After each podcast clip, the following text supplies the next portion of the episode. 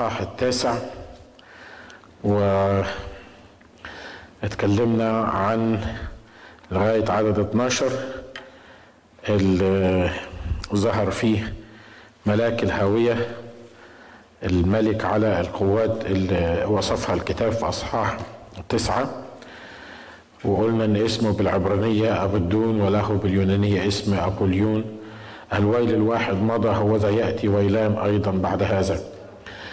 خلي بالكم إن الملائكة إن الملاك آه كان بيقول الكلمات دي ويل للجالسين على الأرض ويل للموجودين على الأرض ويل للجالسين في الأرض.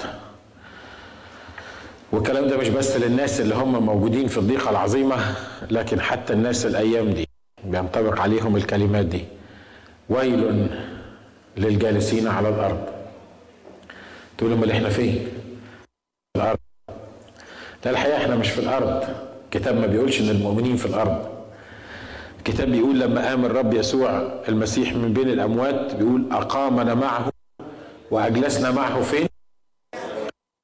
مش في الأرض. وويل للجالسين على الأرض اللي هي الأرض. يا ويل الناس اللي عايشة في الأرض الأيام دي ومنذ أن لعنت الأرض بسبب خطية آدم وبسبب خطية حواء وبعد ما كانوا موجودين في جنة وكان المفروض إن هم ياكلوا ويثمروا ويكسروا ويستمتعوا بالجنة اللي الرب كان عطاها لهم. بعد ما اطردوا من الجنة الرب لعن الأرض وقال له ملعونه الأرض بسببك وأصبحت اللعنة موجودة في الأرض. عشان كده لما الملاك هنا يقول ويل للجالسين على الأرض ليه حق لأنه آه الأرض ملعونة وهتفضل ملعونة لغاية ما يفتديها شخص الرب يسوع المسيح. والحقيقة هي الكتاب قال الأرض والمصنوعات التي عليها يحصل لها إيه؟ ستحترق بالنار. الرب مش هيرجع الأرض مش هيحاول يباركها مرة تاني. لكن الكتاب بيقول إنه هنلاقي أرض جديدة وسماء إيه؟ جديدة يسكن فيها البر. والأرض القديمة والأشياء القديمة مضت ملهاش وجود. لكن الملائكة بتحذر هنا أو الملائكة بيحذر هنا بيقول ويل للساكنين على وقبل ما نبتدي في درس الكتاب عايز أسألك سؤال. يا ترى أنت ساكن في الأرض ولا في السماء؟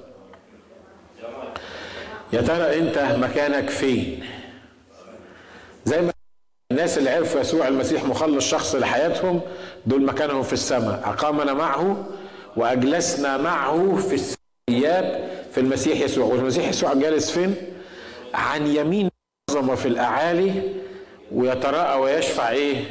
فينا في مكان الصدارة زي ما كنا بنتكلم. وإحنا لما قمنا مع المسيح لما دفنا وقمنا معه لما صلبنا معه زي ما قال الرسول بولس مع المسيح صلبت فأحيا لا أنا للمسيح يحيا إيه؟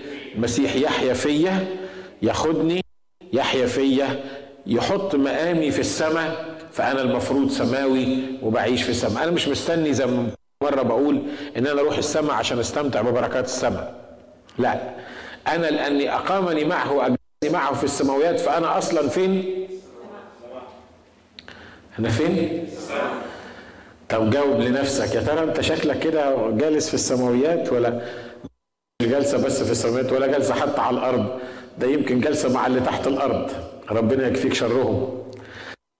لكن واضح إن الدعوة لينا إن الرب عايز يجلسنا في السماويات. الرب اوريدي اشترى لينا المكان في السماويات وهو مقيم في السماويات وإحنا المفروض إن إحنا مقيمون معه في السماويات. عدد 13 ثم بوق الملاك السادس عدد 13 من أصحاح تسعة فسمعت صوتا أربعة قرون مذبح الذهب الذي أمام الله. قائلا للملاك السادس لأن إحنا اتفقنا واتكلمنا عن الخمسة ملائكة اللي قبل كده. الملاك السادس الذي معه البوق فك الأربعة الملائكة المقيدين النهر العظيم الفرات. فانفك الأربعة الملائكة المعدون للساعة واليوم والشهر والسنة. يقتلوا ثلث إيه؟ الناس. وعدد جيش الفرسان مائتا ألف. وأنا سمعت عددهم. وأنا سمعت عددهم. وهكذا رأيت الخيل في الرؤيا والجالسين عليها. دروع نارية وإسمنجونية وكبريتية. ورؤوس الخيل الأسود ومن أفواهها يخرج نار ودخان وكبريت. من هذه الثلاثة قتل الناس من النار والدخان والكبريت الخارج من أفواهها. فإن سلطانها هو في أفواهها وفي أذنابها لأن أذنابها شبه الحيات ولها رؤوس وبر عدد عشرين بيقولوا أما بقية الناس الذين لم يقتلوا هذه الضربات فلم يتوبوا عن أعمال أيديهم حتى لا يسجدوا للشياطين وأصنام الذهب والفضة والنحاس والحجر والخشب التي لا تستطيع أن تبصر ولا تسمع ولا تمشي. ولا تابوا عن قتلهم ولا عن سحرهم ولا عن زناهم ولا سرقتهم. الكتاب بيقول إن الملاك السادس الذي معه البوق قال الكلمات دي فك الأربعة الملائكة المقيدين عند نهر العظيم الفرات. في العراق في أربع ملائكة موجودين واخدين أوامر. ما يتحركوش ما يعملوش حاجة مع الجالسين على الأرض إلا لما تيجي الساعة واليوم والشهر والسنة. بالكم الله بيتحرك في الأرض بخطة. الله مش مش ماشي زي ما إحنا عايزين يمشي. إحنا مرات كتيرة بنبقى عايزين كل حاجة تمشي وبس. عايزين المشكلة تتحل وبس. عايزين الله يتدخل وبس. المهم إن إحنا نخلص من الوضع اللي إحنا إيه موجودين فيه. لكن واضح من التعليم الكتابي إن الله عنده خطة عنده وقت عنده طريقة. مش بس قال إن هو يعني مجهز الملائكة دي للسنة اللي هيبتدوا يبوقوا فيهم أو يبتدوا يتصرفوا فيهم. لا ده بيقول إيه؟ فانفك الأربعة الملائكة المعدون للساعة واليوم والشهر والسنة. معاد مظبوط جدا محدد جدا من الله في الخطة للي موجودين على الأرض في بداية السبع سنين اللي اتكلمنا عنهم اللي هم الضيقة العظيمة. والملاك فك الملائكة المعدون للساعة واليوم والشهر والسنة عشان يعملوا إيه؟ لكي يقتلوا ثلث الناس. خلي بالكم في الأصحاحات اللي قبل قبل كده اتقال إن ثلث الناس ماتوا. والحقيقة ما كانش في وقت كبير عشان تعويض لباقي الثلث اللي, اللي مات. لكن واضح انه ثلث الناس ماتوا ودي كمان ثلث الناس ماتوا. فعدد الباقين على الأرض قد إيه؟ عددهم يعني ثلث تقريبا. ما كانش أزيد من ثلث حاجة بسيطة يعني تعويضا للناس لبعض الناس اللي ماتوا اللي اتولدوا. تقول لي طب ما ده كويس جدا ده هيرخص الريل استيت في أمريكا والناس البيوت هتبقى تمام والسيارات مش تلاقي حد يركبها وده ده, ده عظيم. تلتين الناس ماتوا اللي موجودين على الأرض. خلي بالك إنه إنه الله لما بيدي قرار أو لما بيخلي الحكم ده بيجي على الأرض. اللي ميتين على الأرض دول ما هماش ماتوا وخلاص في بعض الحروب كانت المشكلة إن مش لاقيين مكان الناس. في بعض المجاعات ما كانوش لاقيين أماكن يدفنوا فيها الناس. لما يكون عندك مجموعة كبيرة مات وما دفنتهمش ده ما هياش حاجة ظريفة يعني. ليه؟ لأن اولا ده هيكتر عليك وحوش الأرض. لأن زي ما قال الكتاب لشعب إسرائيل قال أنا مش هطرد من قدامك الناس لحسن تبقى عدد صغير في الأرض والوحوش تكتر عليك ياكلوك. في الوقت نفسه لما يموت لو إحنا قلنا إن العالم 6 بليون يموت منهم 2 بليون مرة واحدة في, في ملاك بيبوق ولا بيقول كلمة يموت منهم 2 بليون. واضح إن مش هيعرفوا يدفنوا ال 2 بليون. فمش بس مجرد إن هم ماتوا لكن كونهم إن وموجودين ده هيكتر الأوبئة وهيكتر الأمراض. وتخيل معايا إن في, في كل بيت في كل شارع تلتين وماتوا في كل مكان فيه تلاقي تلتين الناس اللي كانوا موجودين فيه ماتوا.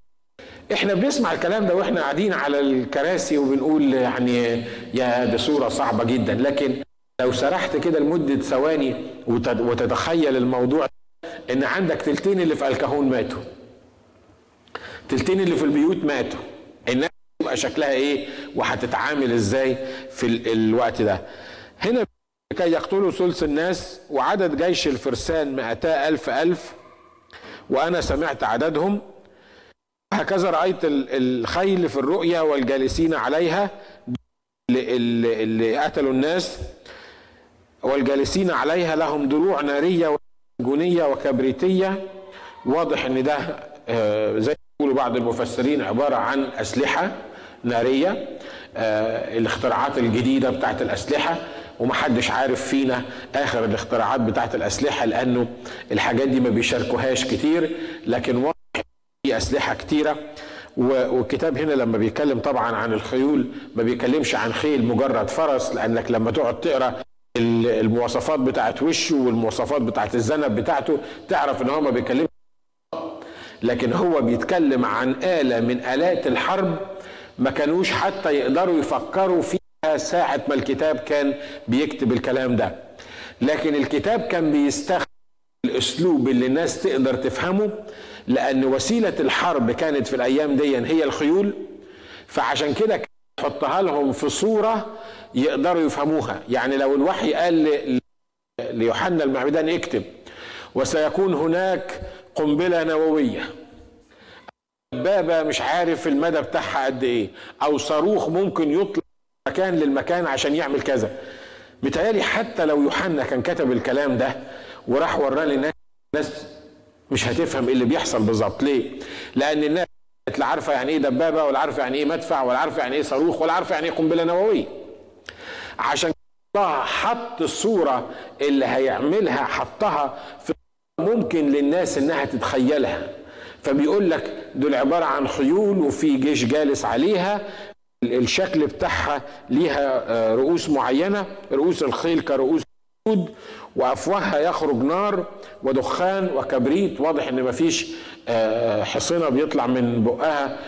ودخان وكبريت فواضح إن ده مش مجرد حصان دي آلة حربية ما كانوش يعرفوها في وقتها.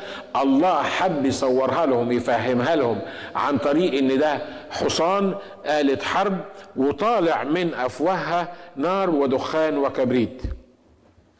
ومن هذه قتل ثلث الناس من النار والدخان الكبريت الخارجة من أفواهها. فإن سلطانها هو في أفواهها. وفي أذنبها لأن أذنبها شبه الحيات ولها رؤوس وبها تضر. حكاية لها رؤوس وبها تضر إحنا بنسمع كتير عن الأسلحة اللي ليها رؤوس نووية. مش كده؟ والكلام اللي أنا بقول لكم ده بايت يعني إحنا بنسمعه من 20 سنة. أنا ما أعرفش دلوقتي شكل الصواريخ شكلها إيه ولا الاختراعات الجديدة شكلها إيه. لكن واضح إن في آه، صواريخ ممكن آه، ليها أكتر من رأس نووي أو ليها أكتر من رأس عادي. بتفجر أكتر من مكان. طول ما هي ماشية بترمي على الأرض الحمولة بتاعتها. واضح إن الكتاب بيتكلم على الموضوع ده. تقول ياه طب وعرف يعني عرف الكتاب منين الكلام ده؟ ورسول يوحنا عرف الكلام ده منين؟ رسول يوحنا بيكتب بالروح القدس. هو بيشوف المنظر وبيكتب اللي هو بيشوفه علشان يفهم الناس اللي هيقولوا لأن الرب باعت الرسالة دي للناس علشان يفهموها. عشان كده الرب ما قدرش يحط كل التفسير فيها. بيقول الخيول دي بتضر بأفواهها وبتضر باذنبها واضح إن أفواهها آه، بتتكلم إن ليها سلطان الكلام اللي طالع من أفواه المركبات دي والخيول دي واضح إن ليها سلطان على إنها تضر الناس. وهنا مش بس ممكن يكون بيتكلم عن مجرد آلات حرب لكن بيتكلم عن خداع شيطاني عن كلمات شيطانية. وده اللي هنقراه بعد كده إن الوحش والنبي الكذاب وكل القصة دول ال ال خدوا قوة على إن صورة الوحش اللي موجودة في الهيكل هتتكلم ويعمل معجزات. وإبليس دايما وده جزء من الويل اللي موجودين على الأرض. الروح القدس لما كان موجود على الأرض لأن واضح إنه لما يحصل الكلام ده الروح القدس مش هيكون موجود على الأرض. لكن الروح القدس لما كان موجود على الأرض كان بيفهم الناس اللي فيهم الروح القدس اللي عايش الروح القدس إن هم يميزوا اللي طالع من بق إبليس واللي طالع من فمه والقوة اللي هو بيتصرف بيها. مش كده برضو؟ مرات واحد يقعد يتكلم معاك تحس إن الشيطان طالع منه كده. ممكن لو عندك حساسية روحية مش بس تحس ده انت تسمع الشيطان ويمكن كمان تشوفه. لو عندك تمييز روحي. مع إنه ممكن يكون ما بيزعقش مثلا ولا بيصرخ يعني ولا عايز يعمل لك مشكلة ممكن يكون بيتكلم يعني كلام very sweet كلام حلو جدا كلام آه، مقبول جدا كلام ممكن كل الناس تقبله. هو ده اللي كل الناس بتفكر فيه. لكن وأنت قاعد الروح القدس يقول لك خلي بالك من السلطان اللي موجود في فم الراجل ده إن عنده سلطان شرير عنده روح شريرة بيتكلم بيها تقدر بالروح القدس إنك تميز الموضوع ده. لكن المشكلة في الناس اللي موجودين على الأرض دول إن عندهم ال ال القوات دي عندهم ال الكلام الشرير ده أو الدمار اللي طالع من أفواه هذه الآلات وفي الوقت نفسه ما عندهمش تمييز عشان يميزوا ويفهموا اللي بيحصل معاهم وهم موجودين على الأرض. وده من ضمن الحاجات اللي بتزود الطينة بلة زي ما إحنا بنقول.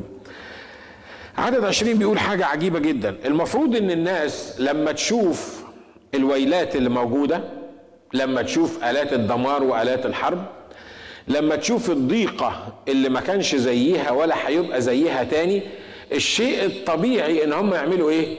يلجأوا لله يتوبوا. لكن بيقولوا أما بقية الناس الذين لم يقتلوا بهذه الضربات فلم يتوبوا عن أعمال أيديهم حتى لا يسجدوا للشياطين وأصنام الذهب والفضة والنحاس والحجر والخشب التي لا تستطيع أن تبصر ولا تسمع ولا تمشي. وهنا زي ما اتفقنا إن اللي بيعرفوا الله لكن ما بيستحسنوش أن يبقوا الله في معرفتهم يعمل لهم إيه؟ يسلمهم إلى ذهن مرفوض يعني ببساطة بالبلدي كده يزيدهم غباء على غباء هم أغبياء مش قادرين يفهموا هو كمان يعمل إيه؟ يزيد يزيد دماغتهم غباء. مرات كتيرة بنتكلم في أمور روحية وبتكلم ناس أساتذة جامعة والمفروض مثقفين. وتقول له إزاي الحقيقة الروحية اللي أنت بتتكلم فيها دي؟ إزاي تقتنع بالكلام ده؟ إزاي إزاي تقول لي إن راجل عنده 54 سنة يتجوز بنت عندها تسع سنين؟ لو كان موجود في أمريكا ده كنا عملنا فيه إيه؟ متهيألي ده كان ده, ده كان أكتر من child abuse ده مش كده؟ كان زمانه موجود محطوط في الحجز ومش هيطلع طول عمره. المفروض إنك لما تقول الكلام ده للناس دول يبتدوا يفكروا يقولوا صحيح. إزاي واحد راجل كبير 54 سنة بيتجوز بنت عندها تسع سنين؟ الكلام ده مش مقبول الكلام ده بيقول إن في حاجة غلط هنا. سمعتها بودني. يرد عليك المتعلم والمثقف يقول لك إيه؟ يقول لك اصله نبي. وما دام نبي يبقى يعمل اللي هو عايزه. ده رد ده, ده أي ثقافة دي أو أي تعليم ده أو أي فهم الموضوع ده المفروض إنه يفهم لأنه نبي فالمفروض يكون قدوة للآخرين اللي هو بيقولها. ده مش موضوع درس الكتاب بتاعنا بس أنا بديك فكرة عن الغباء الإنساني لما بيتحكم في الناس. الناس لما حد ممكن يتعب عندهم إحنا كمسيحيين ممكن يروح لكل القديسين اللي في الدنيا. ممكن يطلب من كل القديسين اللي موجودين في الدنيا. وتقول له حبيبي هو مين بيشفي؟ هو مش يسوع اللي بيشفي؟ يقول لك آه هو اللي بيشفي. أمال أنت بتطلب من الناس كلها وما طلبتش من يسوع ليه؟ إشمعنى ده؟ يقول لك أصل أنا كان ابني عيان وصليت مش عارف لمين وعلى طول ده سريع الندهة. أنا صليت من هنا وخف من هنا. عشان عشان كده إحنا مش بس بنتكلم على غير المسيحيين لكن بنتكلم على الغباء اللي مرات بيكون موجود عندنا إحنا كمسيحيين وإحنا مش قادرين نفهم إن إله هذا الظهر أعمى أذهان غير الإيه؟ غير المؤمنين عشان ما ينور لهمش الحق ما يقدروش يشوفوا الحق. ليه؟ لأن إله هذا الظهر عطى غباء إنساني معين في الأمور الروحية بحيث إنه الإنسان مش قادر يشوف الحق مش قادر يقتنع بالحق. ده اللي حصل بالظبط مع الناس دول. هم في وقت من الأوقات شافوا إن إن المؤمنين اللي موجودين على الأرض اختطفوا. والكتاب المقدس موجود وأعتقد إن يعني ما فيش حتة في الدنيا ما سمعتش إن في حاجة اسمها اختطاف. بدل ما يقولوا آه صح الكلام اللي قالوه المسيحيين ده مظبوط والكتاب بتاعهم مظبوط ودي آدي اللي, تنبأ عنه الكتاب المقدس إنه هيحصل اختطاف وهيختفي المسيحيين الحلوين المؤمنين. بدل ما يقولوا الله ده الكلام ده مظبوط وهتحصل الضيقة العظيمة على الأرض وفي الكتاب قال إن الناس اللي مش مختومين بالختم ده اللي هو آه، بتاع الوحش هم دول اللي الرب هيتعامل معاهم واللي مختومين بختم إلهنا هم دول اللي هينجيهم في الضيقة. بدل ما الناس تقدر تفتكر بالموضوع ده يقول لك خلاص خلي اللي مات مات واللي اختطف اختطف وزي ما يحصل مفيش مشكلة. إحنا برضه هنعمل إيه؟ إحنا برضه هنعبد الشيطان.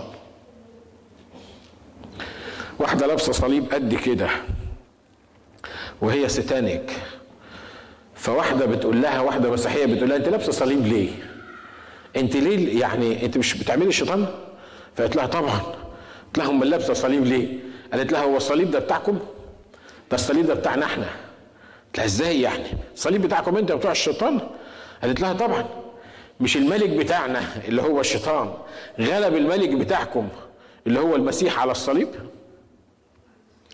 خدت بالك من ال من ال عجيب آه خدت بالك من ال من من من من المنطق بتاع العالم؟ خدت بالك من الغباء الإنساني؟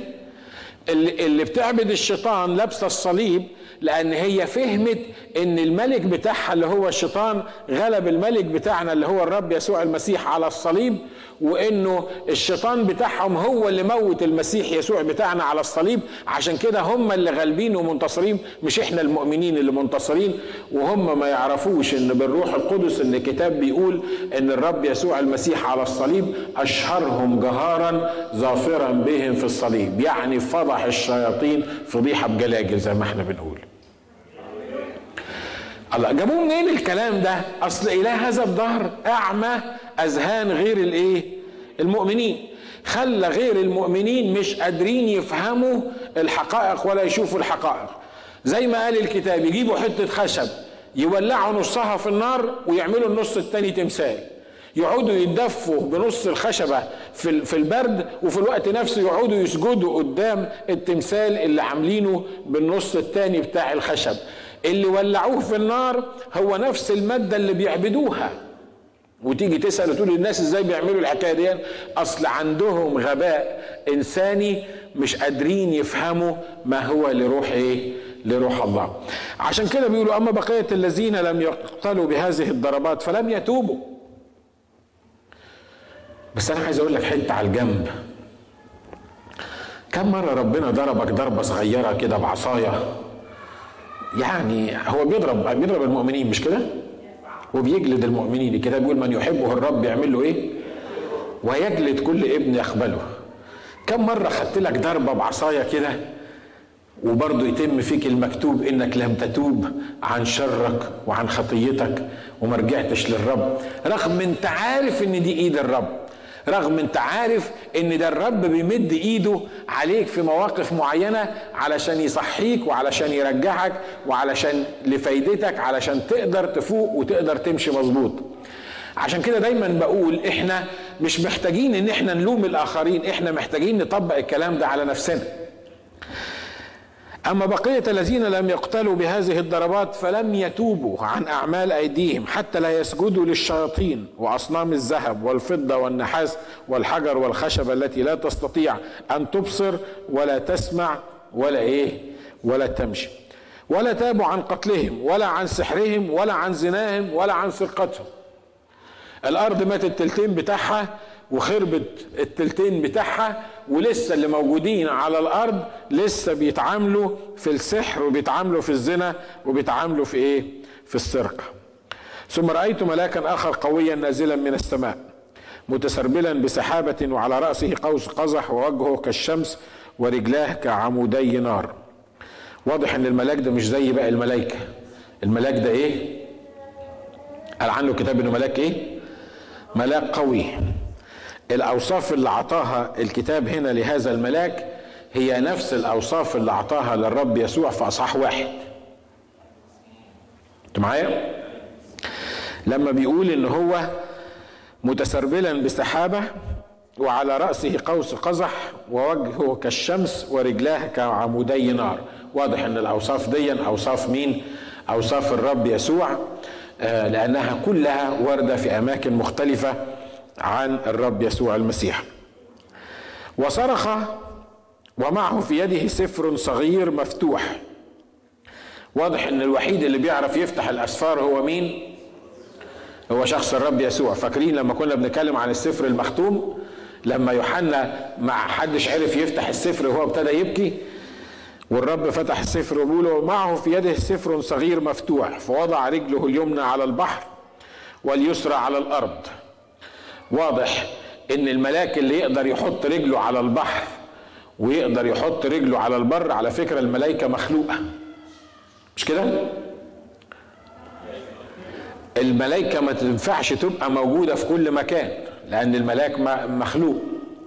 لكن واضح لما تشوف ملاك واقف كبير لدرجة إن رجله موجودة على البحر ورجله موجودة على البر واضح إن ده الشخص المسيطر على البحر وعلى إيه؟ وعلى البر. واضح إن هو ده مين؟ شخص الرب يسوع المسيح. وصرخ بصوت عظيم كما يزمجر الأسد. ودي برضو وصف ماشي مع الرب يسوع. وبعدما صرخ تكلمت الرعود السبعه بأصواتها.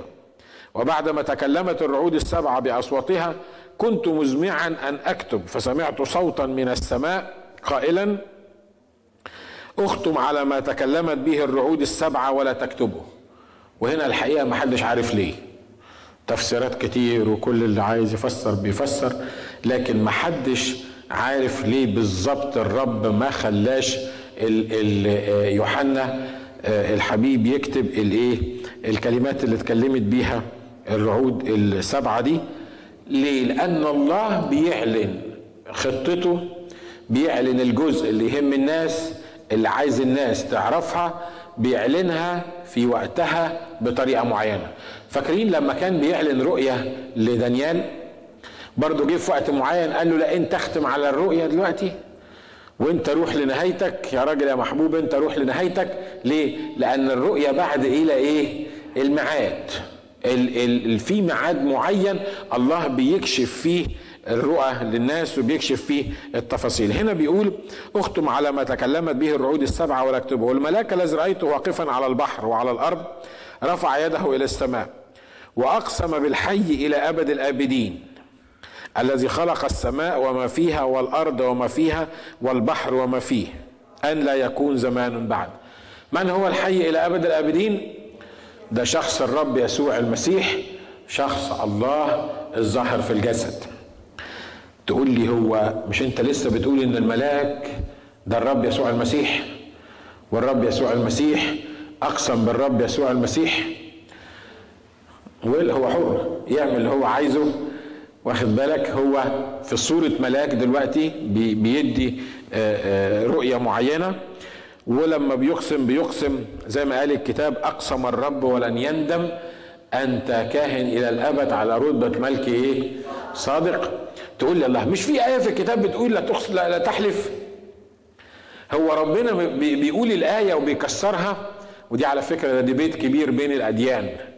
يقول لك إزاي إزاي ربنا يقول الحاجة ويعملها؟ هو مش المفروض إن هو بيقول ما تحلفش؟ أمال هو بيحلف ليه؟ بيقسم ليه؟ أقول لك ليه. اولا هو اللي حاطط القانون القانون يمشي على كل الناس ما يمشيش عليه. هو حر هو ده القوانين بتاعته. ده البرم لاين زي ما إحنا بنقول. الحاجة التانية هو بيقول لي ليه ما تحلفش؟ لأن أنا أصلا مملكش الحاجة اللي أنا بحلف بيها. بيقول لك لا تحلف بالسماء لأن ده اللي فيها كرسي الله. ولا تحلف بالأرض لأن ده إيه؟ ولا تحلف حتى بشعرك لأنك ولا هتعرف حتى تخلي شعرايه بيضة ولا تخلي شعرايه سودة. أنت بتحلف وبس. وياما الناس اتعودت إنها تحلف وتقسم بالايمانات اللي في الدنيا كلها كما لو كانت إنها بتملك يعني ومتأكدة من الكلام اللي هي بتقوله لكن الحقيقة ما حدش ابدا لا بيملك ولا متأكد من الكلام اللي هو بيقوله. الرب بيحلف ليه وبيقسم ليه في في الحتة دي؟ لأنه هو اللي بيملك تنفيذ الأمر اللي هو بيتكلم عنه. آمين؟ عشان بس مت... أنا عارف إن إبليس وأنت قاعد كده يقول لك شوف الرب يقول لك ما تحلفش ويحلف هو الرب يقول لك ما تقسمش ويقسم الرب يقول لك ما تقتلش ويقتل هو جماعة الجماعة غير المسيحيين بيقولوا لنا بيقولوا مش أنتوا بتقولوا إن إلهكم محبة طب هو مش الإله اللي نزل عندكم الآية اللي بتقول لا تقتل مرة يقول لشعب إسرائيل يقول لهم اعملوا إيه؟ يقول لهم خشوا على البلد دي موتوا كل راجل وكل ست وكل طفل وكل كبير وصغير ما تستبقوش حد. معقولة ربنا اللي قال لا تقتل هو يقول للناس اقتلوا كل الناس دي؟ آه هو يقول الكلام ده ليه؟ لأن الناس دول بتوعه.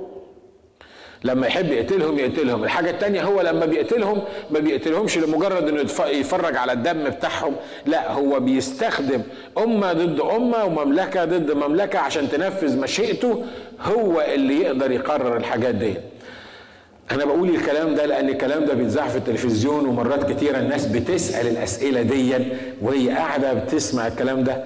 كم واحد بيسأل الأسئلة دي حتى مننا إحنا؟ مش كده؟ مرات كتيرة بنسأل إحنا الأسئلة دي فبيقول الكلمات دي وأقسم بالحي إلى أبد الأبدين الذي خلق السماء وما فيها والأرض وما فيها والبحر وما فيه. خلي بالك إن الكتاب بيقول عن الرب يسوع أنه الخالق خالق كل الأشياء بكلمة إيه؟ بكلمة قدرته ودي من أكتر الحاجات اللي بتدل على إن الرب يسوع هو الله الظاهر في الجسد. أن لا يكون زمان بعد بل في أيام صوت الملاك السابع متى أزمع أن يبوق يتم سر الله كما بشر عبيده الإيه؟ عبيده الأنبياء. سر الله ده اللي هو نهاية العالم ونزول السماء الجديدة والأرض الجديدة والوجود الدخول الأبدي للمؤمنين إلى بيت الآب. والصوت الذي كنت قد سمعته من السماء كلمني أيضا وقال اذهب خذ السفر الصغير المفتوح في يد الملاك الواقف على البحر وعلى الأرض. فذهبت إلى الملاك قائلا له أعطني السفر الصغير. فقال لي خذه وكله فسيجعل جوفك مرا ولكنه في فمك يكون حلوا كالعسل. فأخذت السفر الصغير من يد الملاك وأكلته فكان في فمي حلوا كالعسل وبعدما اكلته صار جوفي مرا. فقال لي يجب أنك تتنبأ أيضا على شعوب وأمم وألسنة وملوك كثيرين. وإحنا مش هنخش نخش في تفاصيل الموضوع ده لكن إيه حكاية إن في بقه يكون حلو وفي جوفه يكون مر؟ كلام الرب زي ما قال عنه الكتاب إن هو أشهى من إيه؟ أشهى من العسل أحلى من العسل. لكن في الوقت نفسه لأن الكلام ده كلام دينونة وكلام حكم وكلام آه واضح إن هو ما هوش كلام تشجيع لأن ده كلام ال ال ال ال التنبؤ على الشعوب والأمم والألسنة والملوك الكثيرين. واضح إن هو كلام ما هوش كلام حلو يتقال. يعني واضح إنه ما هوش كلام تسمعه تتعزى بيه. ليه؟ لأنه هنا بيتكلم عن إيه؟ عن ويل للجالسين على إيه؟ على الأرض وإن هيحصل في الأرض كذا ويحصل في الأرض كذا ويحصل في الأرض كذا. آخر نقطة نتكلم فيها في اصح 11 بيقول ثم أعطيت قصبة شبه عصا وقف الملاك قائلا لي قم وقس هيكل الله والمذبح والساجدين فيه. وأما الدار التي هي خارج الهيكل فاطرحها خارجا ولا تقسها لأنها قد أعطيت للأمم وسيدوسون المدينة المقدسة 42 شهرا. وبعد كده في عدد ثلاثة بيتكلم عن الشاهدين اللي هنتكلم عنهم في في المرة اللي جاية. هنا بيتكلم عن إحصاء مفهوم المفهوم العام بتاع الموضوع الإحصاء للناس اللي بيسجدوا لله اللي قال عنهم الكتاب إن هم واخدين ختم إلهنا اللي أكتر من مرة قيل للملاك ما تضرش الساكنين على الأرض لغاية ما نختم عبيد إلهنا وإنك مش المفروض إنك أنت هتضر كل واحد مختوم بختم الله. هنا الرسول يوحنا بيقول أعطيت قصبة وزمان كانوا بيقيسوا بالقصبة دي زي المتر الخشب اللي ما كنا بنستخدمه زمان. ثم أعطيت قصبة شبه عصا ووقف الملاك قائلا لي قم وقس هيكل الله والمذبح والساجدين فيه. يعني حط حد لهيكل الله حط تعيين لهيكل الله. الناس اللي بيعبدوا في هيكل الله الناس اللي ما قبلوش سمة الوحش الناس اللي خدوا ختم الله على جباههم دول ناس محسوبين معدين في هيكل الله معروفين العملية مش متروكة وبس. مش أي واحد يطلع ولا يخش مش أي واحد يعمل اللي هو عايزه. لكن دول الناس المعدودين اللي قرينا عنهم اللي هم 144 ألف المختومين والناس اللي جايين من كل قبيلة وشعب وأمة ولسان اللي محطوط عليهم ختم الله الملاك هنا أو الرسول يوحنا بيفهمنا إن هو قاس الهيكل بيقيس الهيكل والناس العابدين فيه واللي موجودين ليه؟ لأن دول هم دول المحفوظين بكلمة الله. بس خلي بالكم بيقول له حاجة مهمة. أما الدار التي هي خارج الهيكل فاطرحها خارجا ولا تقصها لأنها قد أعطيت للأمم.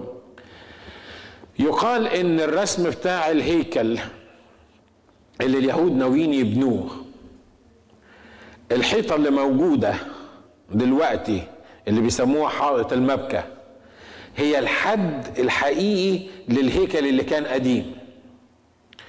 المكان اللي فيه المسجد الأقصى دلوقتي بيقولوا والعهد على الراوي بيقولوا إن هي دي اللي كانت الدار الخارجية بتاعت ال ال الهيكل القديم. وبيقولوا ودي من ضمن الحاجات اللي حكمات اليهود بيقولوا عليها بيقول لك إحنا مش محتاجين نهد المسجد الأقصى. ليه؟ لأن المسجد الأقصى أصلا مش واقع في النطاق بتاع الهيكل. أنا عارف إن فيها نظريات كتير وكل الناس بتفتي فيها. لكن الحكمات الأرثوذكس اليهود اللي موجودين بيقولوا إحنا مش محتاجين نهد المسجد الأقصى. ليه؟ لأن الحتة بتاعه المسجد الأقصى دي واقعة في المكان بتاع الدار الخارجية دي اللي الرب بيقول بيقول فيها للرسول هنا أما الدار التي هي خارج الهيكل فاطرحها خارجا ولا تقسها لأنها قد أعطيت للأمم. مين اللي أعطاها للأمم؟ مش كده؟ هو اللي بيقسم هو اللي بيعمل الحكاية دي إحنا من رب نتحمس جدا نقول يا سلام إمتى تيجي حاجة كده تروح واخدة المسجد الأقصى ده ويروحوا إيه بانيين الهيكل بتاعهم وعشان الرب يجي. خلي بالك إحنا كمسيحيين لا لينا دعوة بالمسجد الأقصى ولا لينا دعوة بالهيكل. وإحنا لا هنكون موجودين لما المسجد الأقصى يتهد ولا لما الهيكل يتبني. معرفش لكن الكنيسة اني anyway حسب ما أنا أؤمن واتكلمنا في الموضوع ده قبل كده مش هتكون موجودة في الضيقة العظيمة. فهم هدوا المسجد الأقصى بتهد المسجد الأقصى على دماغهم إحنا ملناش دعوة لأن دول الجالسين على الأرض هم حرين. يتصرفوا فيها زي ما يتصرفوا إنما إحنا كمؤمنين مش هنكون موجودين هناك. لكن الجماعة اليهود زي ما قلت لكم الأرثوذكس بيقولوا أهو طبعا هم ما بيعترفوش بكل بمعظم الكلام اللي جاي هنا لكن في الدراسة التاريخية بتاعة المكان اللي كان فيه الهيكل بيقول لك السور بتاع المسجد الأقصى ده كان سور الدار الخارجية علشان كده مش مهم يتهد ولا ما يتهدش لأن حتى في الضيقة العظيمة لمدة 42 شهر اللي هيتكلم عنهم الكتاب بعد كده أعطيت للأمم وسادسون المدينة المقدسة 42 إيه؟ شهر. حتى بعد بداية الضيقة العظيمة ب 42 شهر هتكون أورشليم اللي هي المدينة العظيمة اللي بيتكلم عنها دي مدوسة من الأمم والمنطقة دي هتكون مدوسة من الأمم. حتى لو بنوا الهيكل في ال 42 شهر دول ده مش هيكون داخل في نطاق الدار الخارجية بتاعه المسجد الأقصى. طب وإحنا مالنا ومال الكلام اللي انت بتقوله ده؟ وإحنا بندرس سفر الرؤيا. ومن ضمن الحاجات اللي لازم نخلي بالنا منها إن الله عنده خطة زي ما اتفقنا هو فاهم يقيس إيه وما يقيسش إيه فاهم فين الحتة اللي في الدار اللي, اللي تطرح خارجا وعارف الأيام بالسنين والشهور والثواني والدقايق والساعات لأن هو عنده خطة. واضح من الكلام اللي إحنا بندرسه كده مش كده؟ ها؟ السؤال تقولي طب إحنا عرفنا إن ربنا عنده خطة. لا خلي بالك إن ربنا مش بس عنده خطة للمسجد الأقصى والهيكل والكلام ده. ربنا عنده خطة لحياتك أنت. ها؟ لما الله بيكتب إن هو المتحكم في الكون والخطة والرسم والأوقات اللي هو بيتكلم عنها الله عايز يقول لك إنه مش بس الأمور الكبيرة دي اللي هو حاطط لها خطة هنا لكن حياتك ليها خطة. مقياس حياتك أنت ليه خطة. الله بيقيس حياتك بمقياس غير اللي إحنا بنقيس بيه. الله بيبص لنا إحنا للدار بتاعتنا دي بيبص لنا إحنا للهيكل ده لأن أنتم هيكل الله وروح الله يسكن فيكم. بيبص لنا إحنا بمقاييس معينة يمكن تختلف عن المقاييس بتاعت الناس. واضح اللي أنا عايز أقوله؟ ها؟ بيقول الرسول قوم قيس الدار. واضح إن الرسول هيقيس بقى من أول الدار الخارجية وبعدين القدس وقدس الأقداس. قال له لا لا لا لا لا. في حتت تتقاس وفي حتت تطرح خارجا. يعني إيه يعني التصميم اللي إحنا عاملينه ده انت قيس من هنا لهنا بس الحتة بتاعت الدار الخارجية دي سيبها لأن دي أعطيت للأمم لأن هيدوسوا المدينة 42 إيه؟ و40 شهر. اللي أنا عايز أختم بيه عايز أقول لك إن حياتك ليها مقياس عند ربنا. اثنين بس ثلاثة أربعة قالوا أمين. أمين؟ الموضوع محسوب. صدقني الموضوع محسوب. ومن منكم إذا اهتم يقدر أن يزيد على قامته ذراعا واحدة حتى شعور رؤوسكم إيه؟ محصاه واخدة رقم. وشعر منها لا تسقط إلا بإذن إيه؟ أبيكم. ليه؟ أصل في قصبة بيقيس بيها الأمور في قصبة بيقيس بيها ال ال الهيكل بتاع حياتك في قصبة بيقيس بيها اللي تعمله واللي ما تعملوش. ويا بخت الشخص اللي عنده من الحساسية الروحية اللي يعرف المقاييس المظبوطة. أمين؟ إحنا مرات كتيرة مبهوئين. كل واحد ما, ما عندوش مقاييس. إحنا إحنا مش عارفين الله بيفكر إزاي. ومش إحنا بس حتى التلاميذ لما تقعد تدرس ال ال ال الوقت اللي كانوا بي بي يعني بي بيمشوا فيه ورا الرب كانت حاجة تكسف بصراحة. واضح إن هم ما كانوش واخدين بالهم من المقاييس خالص يعني. يعني هو يسوع طالع على الصليب وثبت وجهه ناحية أورشليم وحاطط خطة معينة لتسليم ابن الإنسان وفداء الإنسان. وزي ما قلنا قبل كده مرة إنه سمع خناقة وراه ناس بتتخانق ال 12 اللي هو اختارهم بياكلوا في بعض وهو بيقول لهم ابن الإنسان طالع لأورشليم وهيسلم وعمال يكلمهم في موضوع كبير إن هيمسكوه وهيعملوا فيه ويسووا فيه وهم بيعملوا إيه؟ وهم بيتخانقوا مع بعض وبعدين بيبص بيشوفهم بيتخانقوا ليه؟ لقاهم بيتخانقوا عشان حاجة عجيبة جدا مين هيقعد عن اليمين ومين هيقعد عن الإيه؟ عن الشمال. واضح إن ما عندهمش مقاييس للأمور دول. مش كده؟ واضح إن ما بيفكروش في الأمور زي ما هو بيفكر فيهم. إحنا مين اللي هيقعد على اليمين ومين اللي مين أعظم؟ مين. مين الريس؟ إحنا مشينا وراك ثلاث سنين ونص وأنت قلت إنك ملك وهتعمل مملكة. مين هيقعد على اليمين ومين هيقعد على الشمال؟ والرب يقول لهم الكلام اللي أنتوا بتقولوه ده ما ينفعش. الكلام اللي أنتوا بتقولوه ده ما ينفعش. لدرجة إن اتنين فيهم غالبا وسطوا الست الوالدة لأنها كانت قريبة للرب يسوع. جاية بتقول له إيه؟ قل أن يجلس ابني واحد عن يمينك وواحد عن إيه؟ عن طب والعشرة التانيين يروحوا فين؟ مش مهم يروحوا فين؟ المهم إن أنا أولادي الاثنين واحد يجلس عن يمينك واحد يجلس عن إيه؟ عن يسارك. والعشرة بقى معاهم ربنا هم حرين. يعملوا اللي هم عايزين. وابتدى الرب يفهمه ويقول لهم الموضوع مش كده. الموضوع مش كده. أنا أنا أنا قمت عن العشاء واتزرت بالمنشفة زي ما كنا بنتكلم وغسلت رجليكم عشان تغسل أنت كمان رجلين إخواتك عشان لازم تفهم إن ليك خطة في حياتك محسوبة من الرب بالقصبة. بيقيس كل حاجة على دو يا بختك لو اكتشفت المقياس المظبوط بتاع حياتك يا بختك لو اكتشفت الرب الرسمة اللي ليك عند الرب. كل واحد فينا ليه رسمة معينة عند الرب. كل كنيسة ليها رسمة معينة. وانتوا سمعتوني بقول الكلام ده أكتر من كده من مرة قبل كده. أنا بصلي بقول يا رب أنا عايز الصورة اللي في ذهنك عن ناجي الصورة اللي أنت سبقت فأعددتها قبل تأسيس العالم. زي ما الكتاب بيقول كده في أفسس 2 عشرة لأننا عمله مخلوقين في المسيح يسوع لأعمال صالحة قد سبق فأعدها لكي ما نسلك فيها. أنا عايز الصورة دي بتاعت ناجي اللي موجودة في ذهنك هو اللي يبقى ناجي اللي ماشي على الأرض تنطبق الصورتين مع بعض عشان تطلع حاجة واحدة. أمين؟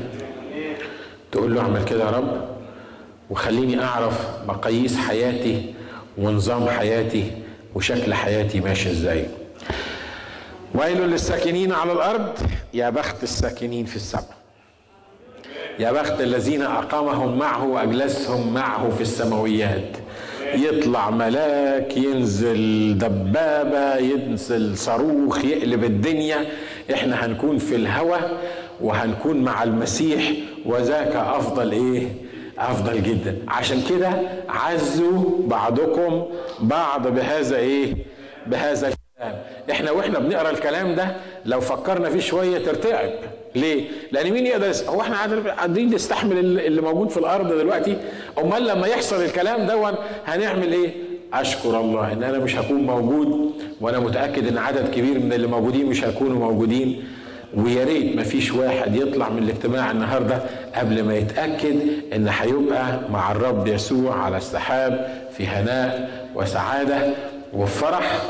والفرصة مقدمة لك دلوقتي. إن قبلت يسوع مخلص شخص لحياتك فيسوع أمين وصادق لا ينقض عهده ولا يغير ما خرج من شفتيه وفي يوم من الأيام هتكون معاه وده بيخلينا نسجد ونركع ونهتف ونفرح في محضر الرب لأني عوجت المستقيم ولم أجاز عليه. فدى نفسي من العبور إلى الحفرة. الفخ انكسر. عوننا باسم الرب الصانع السماء والأرض. مجدا للرب مجدا للرب مجدا للرب.